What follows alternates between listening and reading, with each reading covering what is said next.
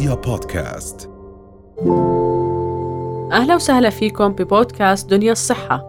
حلقة جديدة وضيف جديد ومعلومات أكثر عن صحتنا. دنيا الصحة بودكاست من دنيا يا دنيا. ما هي أضرار التدخين على القلب بداية؟ آه، يعني التدخين يعتبر آه، من الأسباب الرئيسية للإصابة بأمراض القلب والشرايين بشكل أساسي. في إحنا مجموعة عوامل تساعد على هذه المشكلة منها السكري الضغط التاريخ العائلي الدهنيات الدم والتدخين. حديثا عمالنا بنشوف أكثر وأكثر أهمية التدخين بالذات في ال models اللي بتطلع على أسباب الإصابة بأمراض شرايين القلب بشكل أساسي. آه، التدخين آه، في كمية كبيرة جدا من المواد السامة. هاي المواد آه، لما يستنشقها الإنسان وتدخل على الدم بتأثر على الغشاء المبطن للأوعية الدموية وبتعمل إحنا بنسميه زي تهيج أو انفلاميشن هذا بيؤدي إلى أكسدة وبيساعد على زيادة الترسبات اللي بتكون على جدار الشريان وبنفس الوقت بتأثر على قدرة الشريان على الانقباض والانبساط ترسب آه، المواد الضارة الدهنية وغيرها وبالتالي يصير في عندنا أمراض تصلبات الشرايين والإغلاقات والجلطات فيما بعد. نعم عم نشوف في زيادة كبيرة بأعداد المدخنين وخاصة بين الشباب. يعني في آه، أرقام كبيرة في الأردن للأسف أشخاص بدخنوا وعم بدخنوا كمان يعني بشكل كتير كبير ممكن يوصلوا أكثر من باكيت تدخين لل... أيضا للأرجيلة وكل هذه الأمور ودخلت أيضا السيجارة الإلكترونية فهل هناك أضرار أقل أو أكثر من من هذا التنوع سيجارة إلكترونية ولا سيجارة عادية ولا أرجيلة ولا كلهم بنفس الخطورة ومدى الخطورة؟ آه يعني هاي النقطة اللي الأساسية إنه إحنا الإشي اللي اختلف على تصرفاتنا هو التدخين بشكل أساسي. يعني نسبة الضغط السكري الدهنيات تكاد تكون ثابتة إلى حد ما نعم. آه في المجتمع. ولكن اللي زاد بشكل كبير هو آه نسبة التدخين وكمية التدخين. وهذه طبعا عند ربطها بمسببات الجلطات والى اخره بلشنا نشوف إنه قديش ال effect تبع أو التاثير تبع التدخين. على أهميته في إصابة بأمراض القلب والشرايين بشكل أساسي. التدخين ممكن هو بيكون حد لحاله بيكون عامل خطورة ولكن مع وجود عوامل الخطورة الأخرى مثلا زي الدهنيات أو السكري هو بضاعف الخطر اللي بيجي من الأمور الأخرى. فإحنا زي ما بحكيها للمرضى إنه واحد زائد واحد لا يساوي اثنين. يعني إذا كان نسبة الخطورة مثلا من السكري 1% ومن الدخان 1% جدلا الاثنين مع بعض بتصير خطورة فيهم 5% فوجود التدخين بهاي الكمية بضاعف لنا نسبة الخطورة آه للإصابة بأمراض آه القلب والشرايين.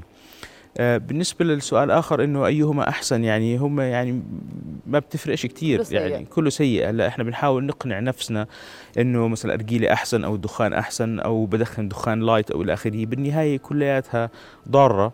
إيش تأثير شيء معين على الشخص معين بيختلف؟ يعني واحدة من النقاط اللي بنقولها برضه للناس إنه ما بصير نقارن نفسنا إنه والله مثلا أنا سيدي قاعد لل100 يدخن آه. مثلا وما صار معه أمراض قلب مش بالضرورة إحنا بصير ما يصير معنا نفس المشكلة يعني.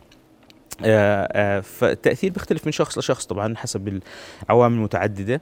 آه، السيجارة الإلكترونية موضوع شيق لأنه آه، هي وجدت في البداية حتى تصبح بديل أو مساعد عشان الناس تتخلص من التدخين ولكن اللي صار أن السيجارة الإلكترونية صارت هي نفسها آه، عادة وإدمان آه، وفي ناس بتدخنها بشراهة وهي ليست خالية من الأضرار أكيد طبعا يعني. نعم طيب ماذا يحدث للقلب بعد الإقلاع عن التدخين دكتور؟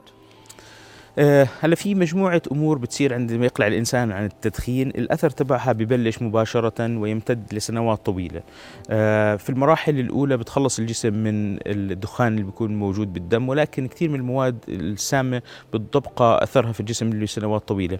آه، إحنا عادة بنحكي الست أسابيع هي منطقة حساسة جدا بالنسبة لنا بصير فيها تغيرات كبيرة على على الدم وعلى الرئتين. فعادة مثلا إحنا بالنسبة لنا اللي بيجوا على عمليات القلب بنصحهم إنه إذا بيكونوا موقفين على ست أسابيع بتكون نتائجهم كثير أفضل خطورتهم في العملية بتكون كثير أقل نسبة الجلطات ومشاكل الرئة بتكون كثير أقل. ببلش الأثر تبع التدخين يخف. النقطة المرحلة الثانية اللي بنشوفها بنشوف فرق كبير بعد مرور سنة على التدخين. ولكن حتى إذا كان في عندنا شخص مدخن وخطورته على أو الخطورة من الإصابة بأمراض القلب والشرايين تقل بنشوف هذا ال effect بعد خمس سنين.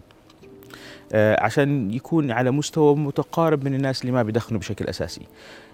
ال effect بيكون أعلى في الناس اللي بيكون صار عندهم مشاكل في القلب وعمل لهم مثلا شبكات أو قلب مفتوح إلى آخره.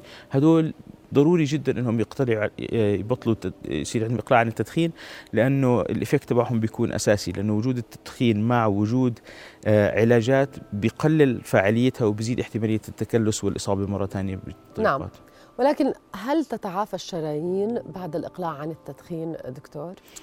للأسف يعني هلأ إذا لا تتعافى بالطريقة اللي الناس بتفكرها يعني إذا في مثلا شخص اجى عندنا ومثلا عنده في تضيق 50% آه وقال أنا وقفت عن الدخان هذا التضيق سوف يبقى 50% مش راح يرجع 20 ولا 30 ولكن نعم. على الأقل إحنا بنوقف الاستمرارية أو بنقلل من سرعة التضيق وحدوث جلطات فإنه هلا اللي بيصير فيه له تعافي إلى حد ما اللي هو وظيفة الخلايا المبطنة للشرايين ممكن تتعافى بعد مرور سنة على الأقل إلى أكثر من هيك آه، بحيث إنه بتصير في احتمالية إنه يصير فيها مشكلة بتكون أقل. ولكن اللي صار في عنده مشكلة صعب إنها تتعافى بس إذا أوقفنا التطور تبعها بيكون شيء كثير ممتاز. نعم. الشخص اللي اليوم آه، وقف على التدخين هو أصلا عنده مشاكل بالقلب أو في عنده يعني خلينا نقول بوتنشل أو في عنده القابلية إنه يكون عنده مشاكل القلب سواء للسجل الطبي أو سواء لأنه تم تشخيصه. يعني هذا الشخص إيش النصائح اللي بتعطيه إياها؟ أهم نصيحة إنه يبطلوا دخان لأنه للأسف كثير من المرضى بيجونا وبيجي بجلطة وبيكون يعني على وشك إنه يعني يصير في معاه يعني يفقد حياته. وللأسف هم في وقت في حمو الشغلة بيقول لك خلص أنا لا يمكن أصيب سيجارة للأسف بيجونا بيرجعوا بدخنوا مرة ثانية فاولا اللي هو التوقف عن التدخين والشغله الثانية إنه المرضى اللي بينجحوا إنهم يوقفوا عن التدخين بوقفوا عليه فترة بسيطة شهر شهرين وبيرجع بيحكي لك أخذت سيجارة من هون أخذت سيجارة من هناك ما هي بلشت بهاي الطريقة وبيرجعوا مرة ثانية يدخنوا. الشغله الاساسيه إنه نكون حازمين وصارمين في التوقف عن الدخان هي النقطة الأساسية. نعم. واليوم التداعيات دائما بنحكي تداعيات كورونا وتداعيات ما بعد الكورونا هي ليس فقط تأثير الكورونا أو الناس اللي صار عندهم مشاكل بالرئة أو مشاكل صحية أخرى ولكن أيضا كان حديثنا أنه ال stress قد إيه ممكن يأثر على القلب ويزيد من الاحتمالية. فإيش كمان الأسباب الأخرى اللي ممكن تأثر على أمراض القلب دكتور بشكل سريع؟ آه زي ما تفضلتي يعني هو ال ال الأشياء ال stress شيء أكيد عامل أساسي. آه السكري ارتفاع ضغط الدم الشرياني آه وجود دهنيات الدم والسيرة المرضية العائلية هدول هم الأشياء الأساسية اللي بتأثر على آه أمراض القلب. مع وجود الدخان هاي الأمور بتكون آه مضاعفة بشكل كبير. النقطة الأخرى اللي بنقولها إنه التدخين الإقلاع عنه برضه مش سهل يعني إحنا بنقدر إنه الإقلاع عن التدخين مش شغلة سهلة في عامل إدمان كبير في مواد كيميائية بتكون موجودة في الجسم. آه وبننصح المرضى برضه إنهم يطلبوا مساعدة آه professional يعني هلأ حاليا وزارة الصحة بتعمل آه مراكز الاقلاع عن التدخين آه في أخصائيين في الإقلاع عن التدخين في أدوية ممكن نستخدمها في استراتيجيات ممكن نستخدمها.